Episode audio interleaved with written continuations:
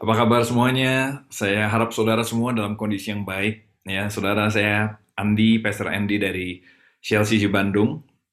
Sejak Radit membangun hubungan dengan saya dan juga dengan beberapa kakak, akhirnya saya hubungkan dengan beberapa kakak yang lain. Sebetulnya bukan hanya Radit yang Tuhan taruh di hati saya dan juga di hati kakak-kakak yang lain.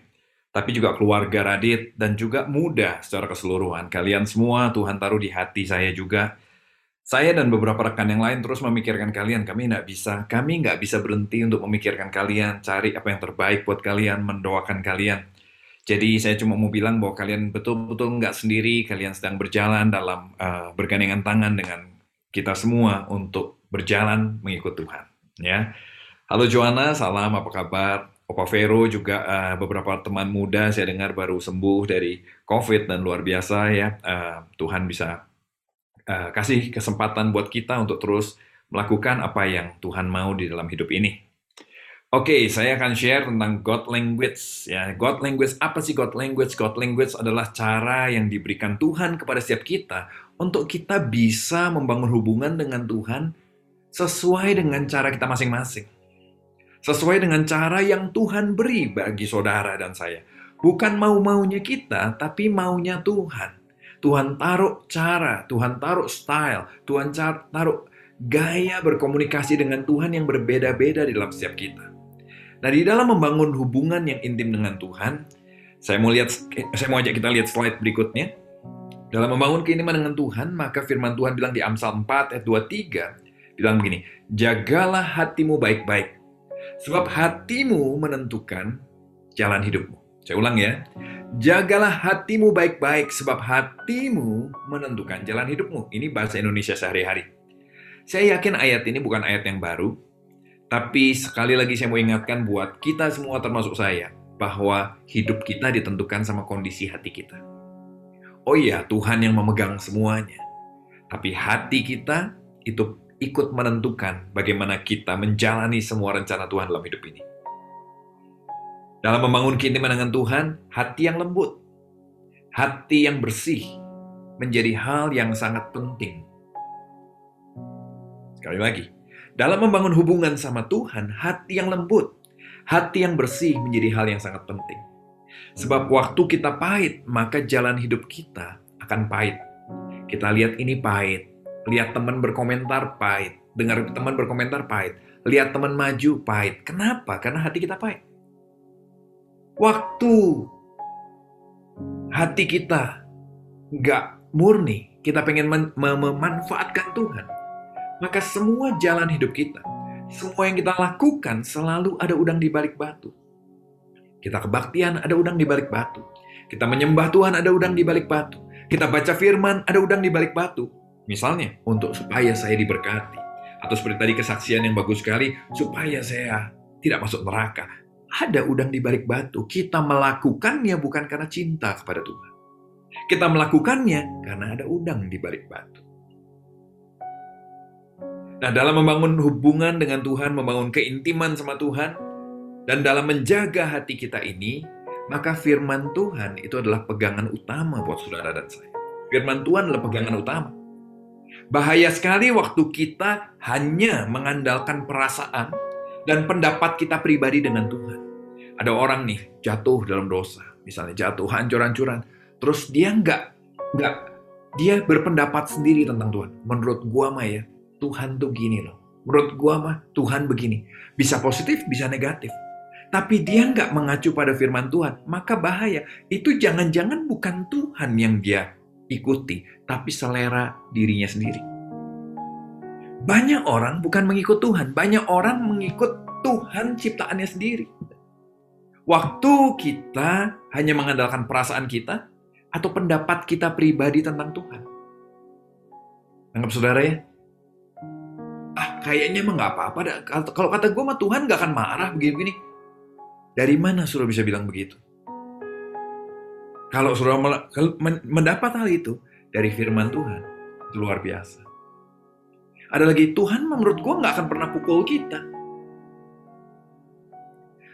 ada lagi uh, oh Tuhan tapi wah lu nggak boleh begini ada teman saya pendeta juga loh pendeta juga suatu kali mobilnya keserempet terus dia bilang aduh istri gua ngomel-ngomel di kenapa terus dia bilang ini Ya istri gue bilang, tuh kan gue udah bilang perpuluhan lu jangan ditahan-tahan.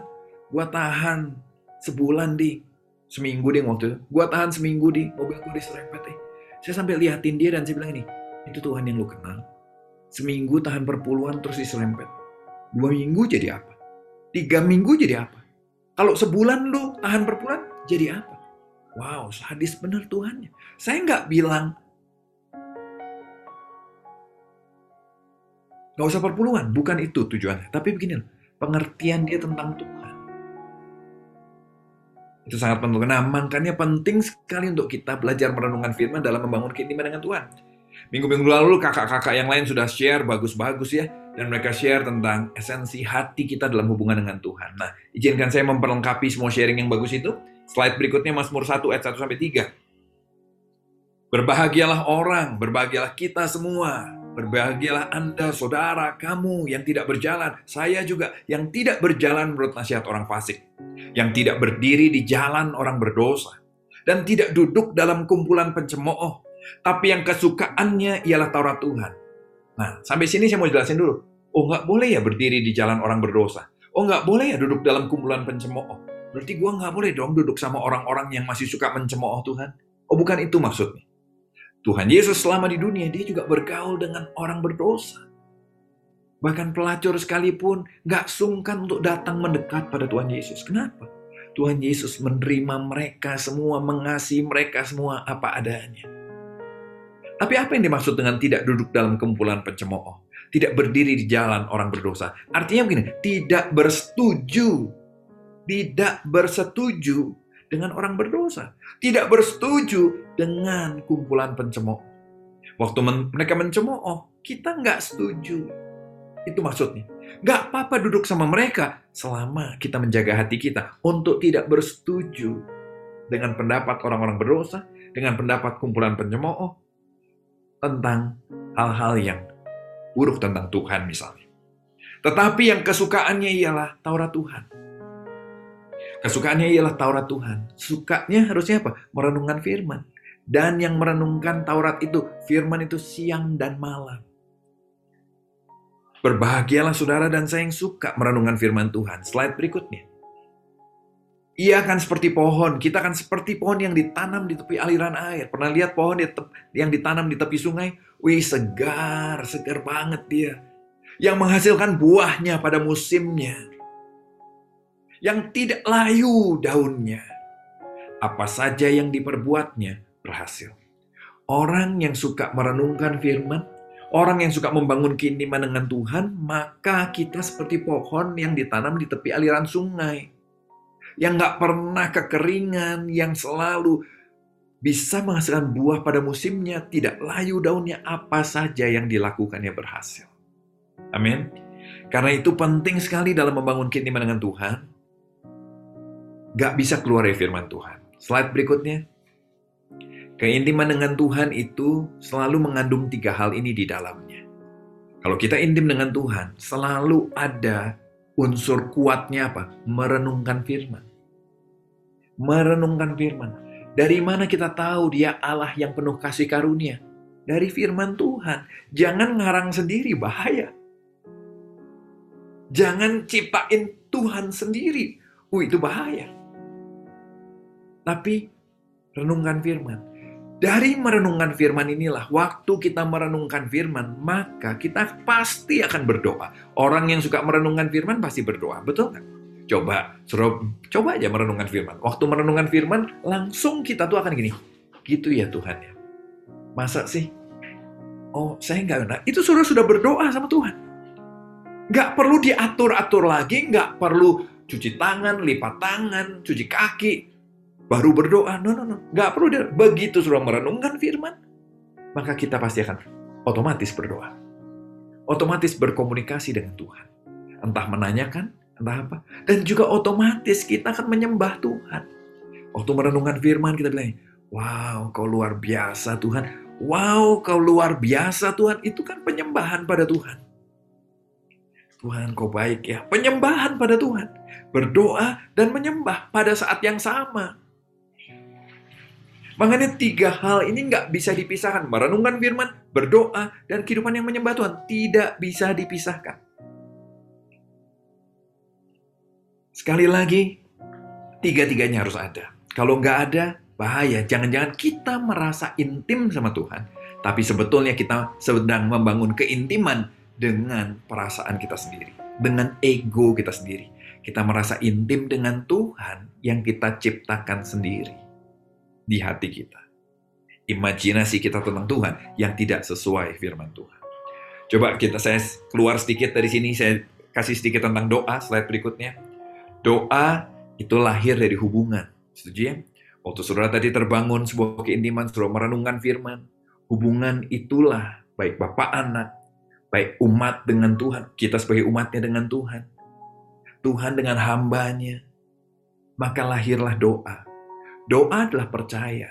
Waktu saudara merenungkan firman, di situ saudara tahu bahwa kita bisa percaya kepada Tuhan. Doa adalah penyerahan diri kepada kehendak Allah waktu kita merenungkan firman, kita akan belajar untuk menyerahkan diri kepada kehendak Allah, walaupun kadang-kadang keputusannya tidak sesuai dengan keinginan kita. Di situlah doa terbangun. Waktu ada percaya, waktu ada penyerahan diri, waktu ada hubungan. Bagus sekali seorang hamba Tuhan John Horry pernah bilang ini, saya tidak tahu Tuhan mengubah keputusannya atau tidak. Karena waktu itu ada banyak orang tanya gini, kalau kita minta sesuatu, Emang Tuhan akan merubah keputusannya? Kan Tuhan sudah menetapkan dari awal sampai akhir dia tidak berubah. Masa dia merubah keputusannya? Hamba Tuhan ini bilang nih, saya nggak tahu Tuhan mengubah keputusannya atau enggak. Yang pasti Tuhan mau untuk saya berdoa dan meminta. Dan dia bilang, dia pasti menjawab. Jadi karena itu saya berdoa.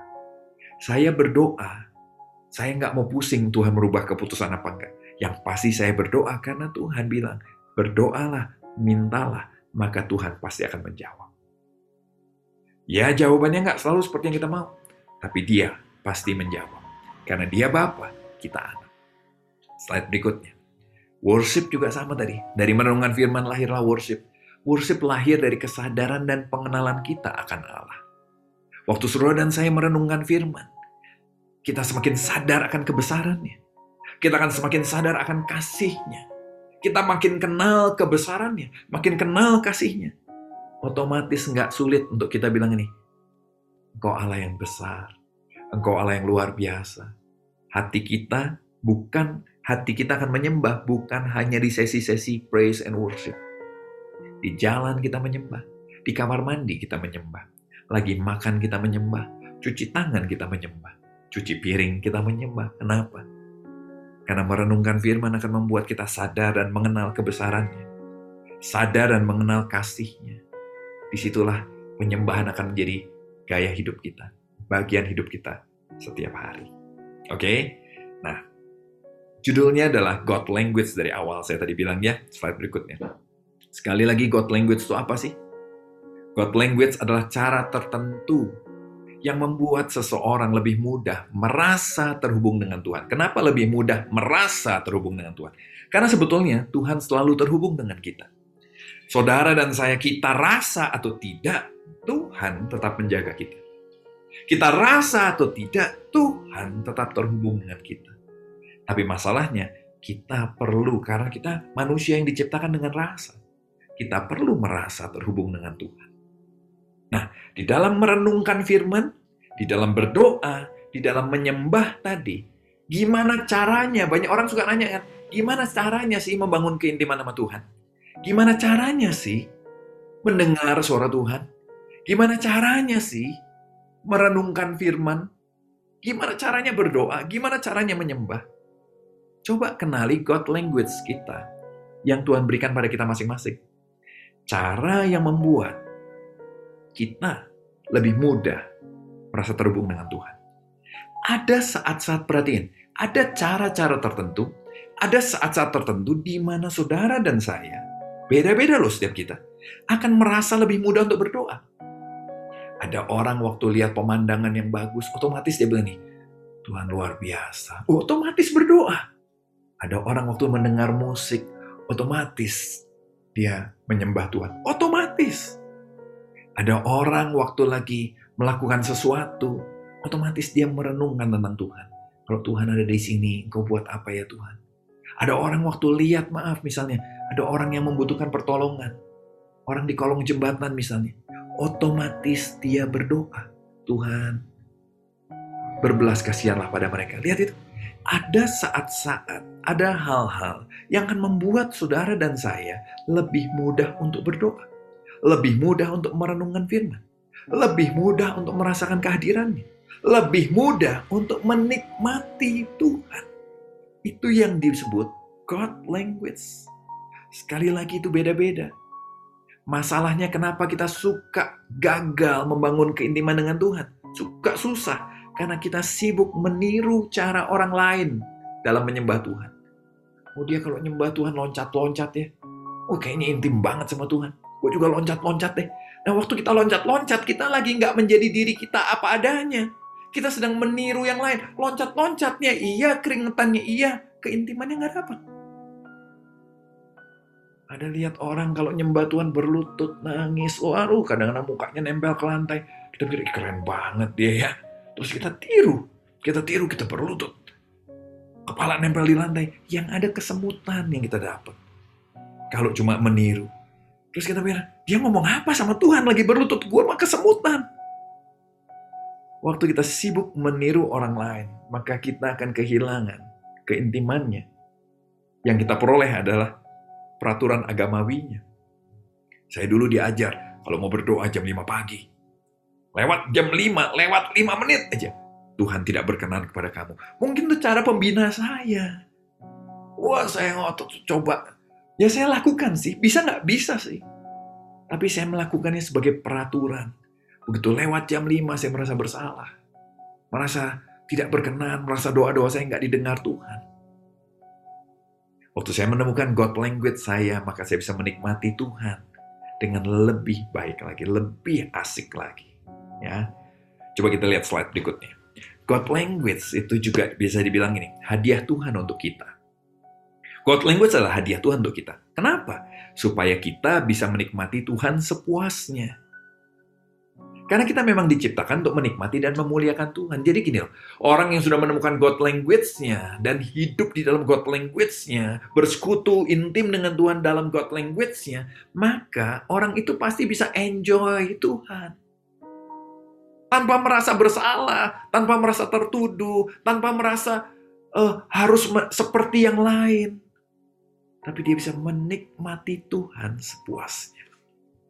Istri saya kan istri gembala. Setuju ya saudara? Karena saya gembala, ya istri saya istri gembala. Ya kalau saya domba, istri saya istri domba, berarti dia juga domba, kira-kira begitu.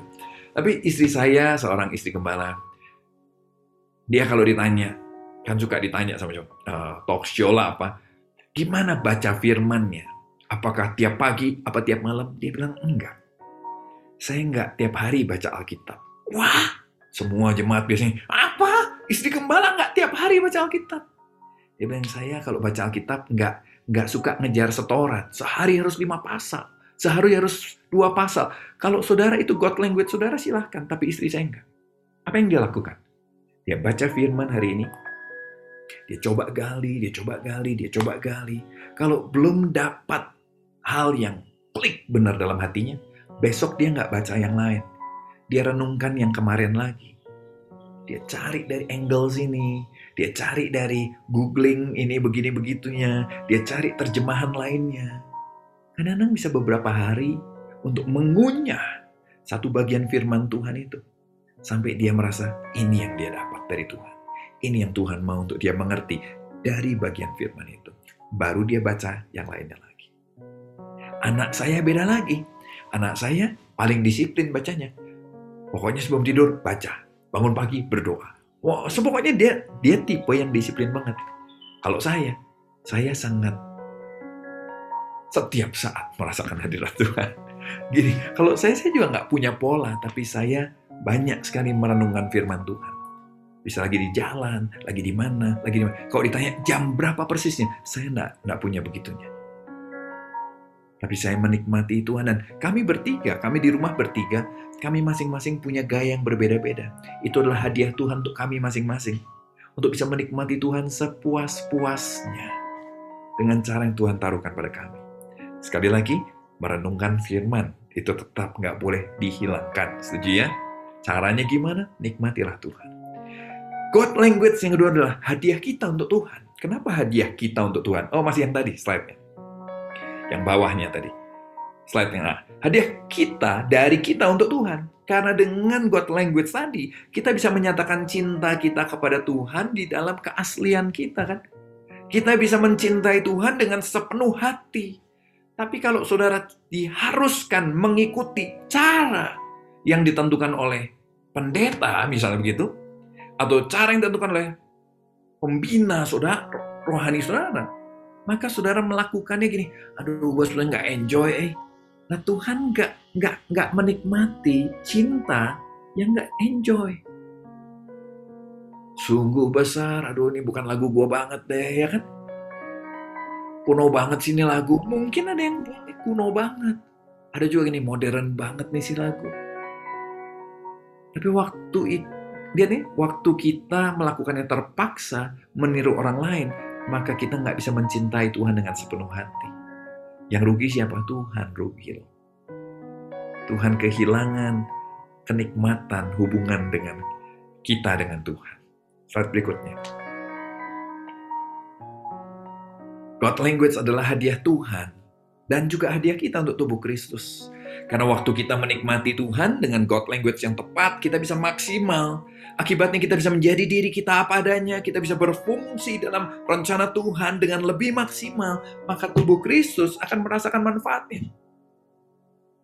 Waktu setiap kita menikmati Tuhan dan setiap kita terus mengenal dia secara lebih bertumbuh lagi, lebih bertumbuh lagi, maka tubuh Kristus yang pasti akan diberkati.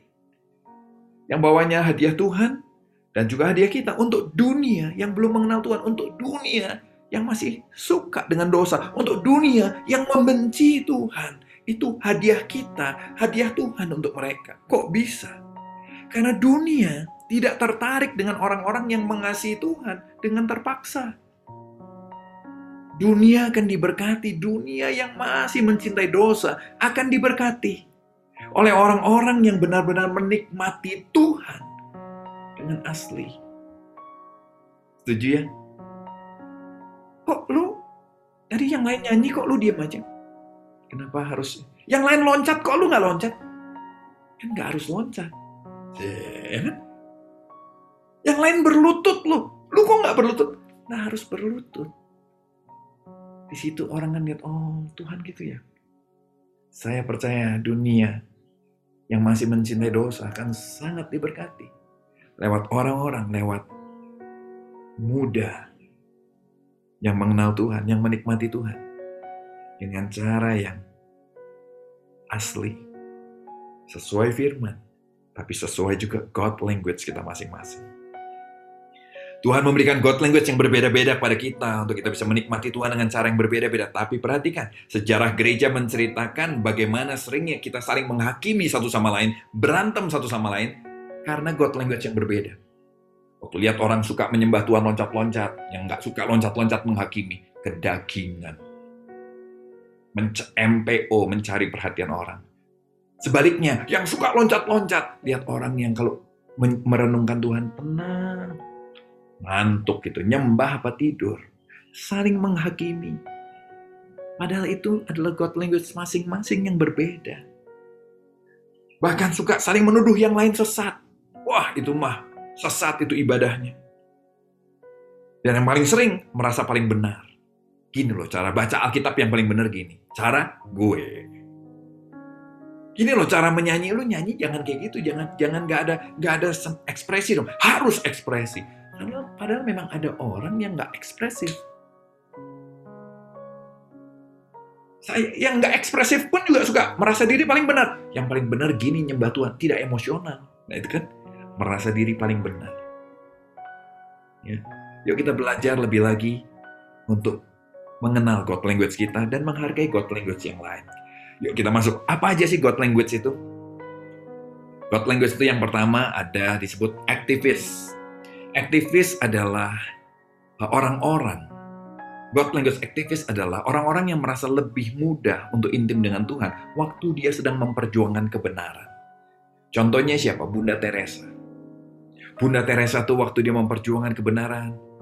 Wah, coba saudara lihat, ada orang-orang yang gini, waktu dia memperjuangkan kebenaran, memperjuangkan keadilan, di situ dia semakin mudah berdoa. Dalam memperjuangkan kebenaran dia, dia bersyafaat, Tuhan aku berdoa buat orang-orang yang tertindas ini Tuhan.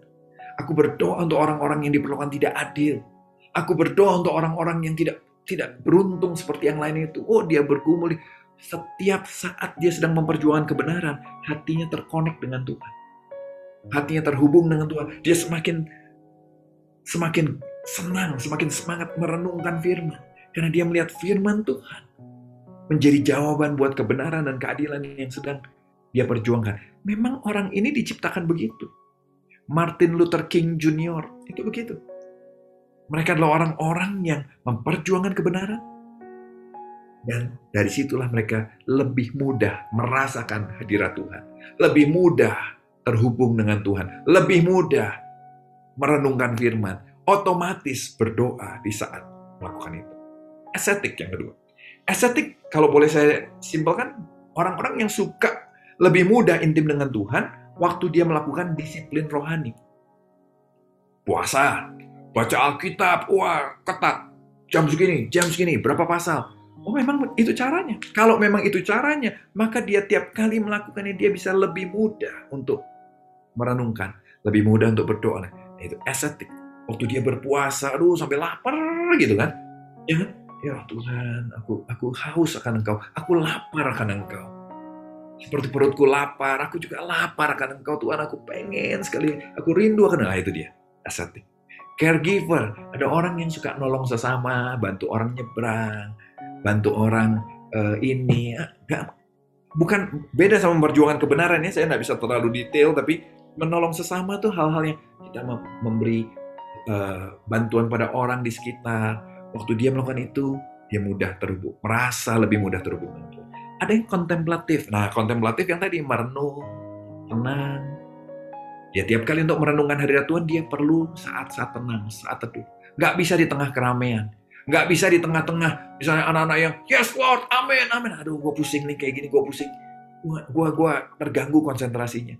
Dia perlu menyendiri untuk merenungkan firman, merenung dengan Tuhan. Ya, ada orang-orang kontemplatif nih senang dengan tempat-tempat yang tenang. Begitu tempatnya tenang, dia langsung jeng, langsung oh God gitu kan langsung Tuhan hadir oh Tuhan kenapa itu God language-nya saya kadang saya saya juga suka itu saya suka rame tapi saya kita kita bisa gabungan beberapa macam loh saudara ya saya, tapi saya perhatian setiap kali di tempat yang sangat tenang sangat mudah saya bisa merasa lebih merasa ya terhubung dengan Tuhan Entusias, entusias sebaliknya beda sama kontemplatif. Semangat, responsif, amin, loncat, wah gitu. Nah, ya beda, memang beda. Nah jangan berantem, mana lebih benar, enggak ada yang lebih benar. Tuhan kasih beda-beda kok. Jangan saling menghakimi kan. Nanggap ya. Jangan bilang yang nggak loncat-loncat, nggak sungguh-sungguh, sungguh-sungguh. Oke? Okay? Jangan bilang yang suka memperjuangkan kebenaran. Wah, yang lain tidak tidak cinta Tuhan. Cinta Tuhan, cuma beda God language-nya. Slide berikutnya. Intelektual. Intelektual bicara gini. Logika iman. Ada orang-orang yang suka mengenal Tuhan lewat belajar teologi ya, menambah pengetahuan, semakin dia belajar. Teologi bahasa aslinya, ya kan? Konteksnya, sejarahnya, wih dia semakin bisa tenggelam berhari-hari itu baca begitu. Ngulik sekali, intelektual. Nah yang gini suka menghakimi kan, yang lain merendah ah rohaninya. Cetek pengetahuannya, ya kebetulan tuh God language kamu. Saya pernah di sekolah Alkitab, kita undang yang uh, di sekolah Alkitab yang sangat begini, terus undang orang yang mengalami mujizat. Gak ada yang nanya, saudara Gak ada yang tanya satupun. Ada yang bilang nih, apakah belum bertobat ya semua yang ikut sekolah Alkitab ini? Sudah saya mengenali, sudah saya mengenali gini. Ternyata ada orang yang memang gak tertarik dengan mujizat. Tuhan sembuhin gue apa enggak, enggak apa-apa. Gue mah pengen tahu nih bahasa aslinya apa. Ini sejarahnya bicara apa. Buat dia mujizat nggak terlalu penting. Tapi menggali teologianya itu jauh lebih penting. Itu God language. Ya, naturalis. Semua bicara merenungkan firman loh ya saudara. Semua ini bicara merenungkan firman. Naturalis. Alam lewat sehari-hari. Tadi kan begitu lihat alam atau hal-hal sehari-hari di jalan, gampang sekali lewat hal sehari-hari kita terhubung dengan Tuhan. Saya juga ini. Ya. Sensate, sensate gini, lebih ke seni, lebih ke rasa, lebih ke indera. Sensate, jadi uh, sensasi, apa yang dia rasa lewat pendengarannya, lewat apa yang dia lihat, lewat penciumannya, lewat kecapannya, lewat apa yang dia sentuh.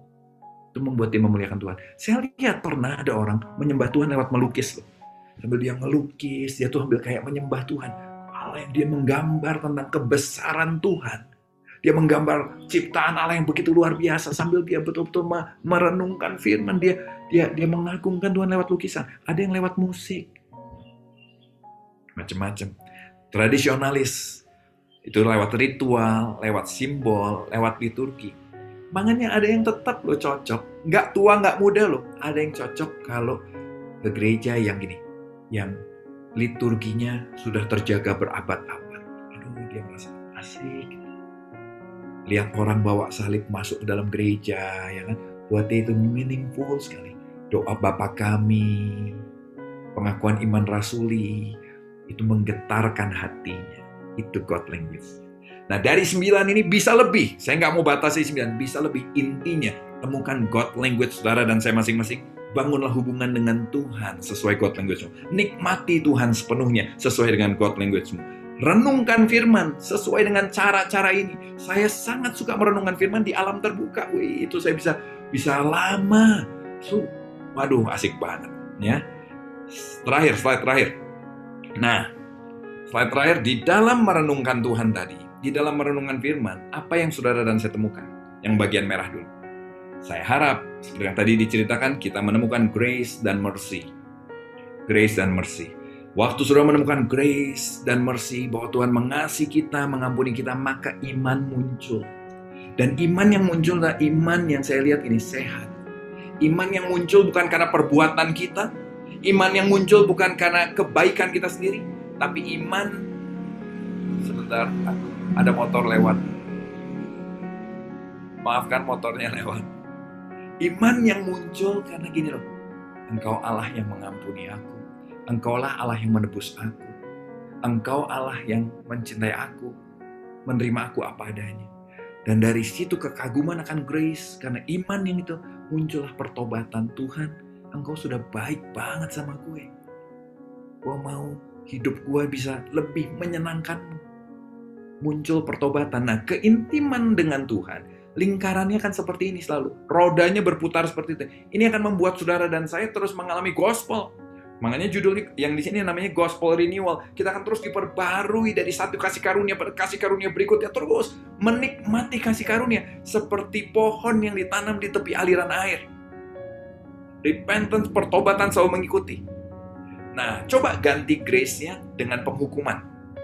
Allah yang menghukum. Kalau lu nggak gini, masuk neraka. Kayak tadi kesaksiannya kan. Kalau lu nggak gini, nanti dihukum Tuhan. Maka iman yang muncul adalah iman yang dipenuhi dengan ketakutan. Oh Tuhan, saya adalah Tuhan yang nggak terlalu cinta saya. Kalau gue nggak baca Alkitab hari ini, dia cambuk saya. Kalau dia nggak baca, saya nggak baca Alkitab hari ini, dia tinggalin saya. Saya ditinggalkan rencana Allah, dibatalkan dalam hidup saya. Imannya begitu. Akhirnya kalau kita bertobat, kita repentance, pertobatannya karena ketakutan. Bukan karena cinta pada Tuhan. Takut. Oh, nanti gue ditinggal. Nanti kalau yang lain diangkat, gue nggak diangkat. Aduh, gue doa deh. Nah, lihat itu. Doa, Tuhan ampuni saya, supaya saya diangkat. Itu kalau penghukuman, coba ganti lagi dengan berkat. Grace-nya diganti dengan berkat. Waduh, imannya gini, oh Tuhan adalah Tuhan yang ini. Kalau gue berdoa, gue diberkati. Kalau gue saat teduh rajin tiap hari, jalan hidup gue dijaga, nggak akan ada kecelakaan. Wah kalau gitu bertobat pas kita nggak saat teduh hari ini kita aduh Tuhan ampuni saya Tuhan ampuni saya saya saya nggak saat teduh hari ini ampuni saya Tuhan. Bertobat tapi supaya supaya Tuhan jangan cabut berkatmu ya. Aduh Tuhan berkati aku tetap ya Tuhan. Biar jodohku tidak lari ke mana. Sudah lihat itu? Lihat itu ya? Jadi saya harap dalam membangun keintiman sudah menemukan kasih karunia Allah dalam merenungkan firman Tuhan sudah menemukan kasih karunia Allah. Ini yang menjadi tanda apakah keintiman kita dengan Tuhan sehat apa enggak. Kasih karunia, dari situlah terbangun bahwa iman, bahwa kita dibenarkan karena kebaikannya. Dia Allah yang mengasihi kita. Dari situ kalaupun saudara pasti kita bertobat, pasti. Kita bertobat, bertobat karena gini, karena kita sudah menikmati kasihnya. Bertobat karena kita sudah menikmati pengampunannya dan kita bertobat karena kita ingin menyenangkan dia juga. Bukan karena takut dihukum, bukan karena ingin diberkati, bukan ingin yang lain, tapi karena pribadi Allah sendiri. Amen. Saya harap sudah diberkati, bisa membangun keinginan dengan Tuhan lebih lagi. Yuk kita berdoa yuk. Tuhan terima kasih buat firman-Mu, aku selesai menyampaikan isi hatimu. Aku berdoa supaya Tuhan yang menerjemahkan buat setiap kami tanpa terkecuali. Buatlah setiap kami boleh menikmati Tuhan, tanpa harus meniru orang lain, tanpa harus mengikuti paksaan orang lain, atau karena tertuduh. Tapi biarlah kami bisa merenungkan firman Tuhan sesuai God language yang Tuhan berikan pada kami. Dan kami boleh menikmati Tuhan. Tuhan boleh menikmati kami sepuas-puasnya. Tubuh Kristus, gereja Tuhan boleh diberkati lewat pertumbuhan kami. Dunia yang masih dipenuhi dosa boleh diberkati lewat keintiman dengan Tuhan yang tidak dipaksa, bukan terpaksa, tapi karena menikmati Tuhan. Terima kasih Tuhan. Di dalam nama Yesus kami berucap syukur. Amin. God bless you.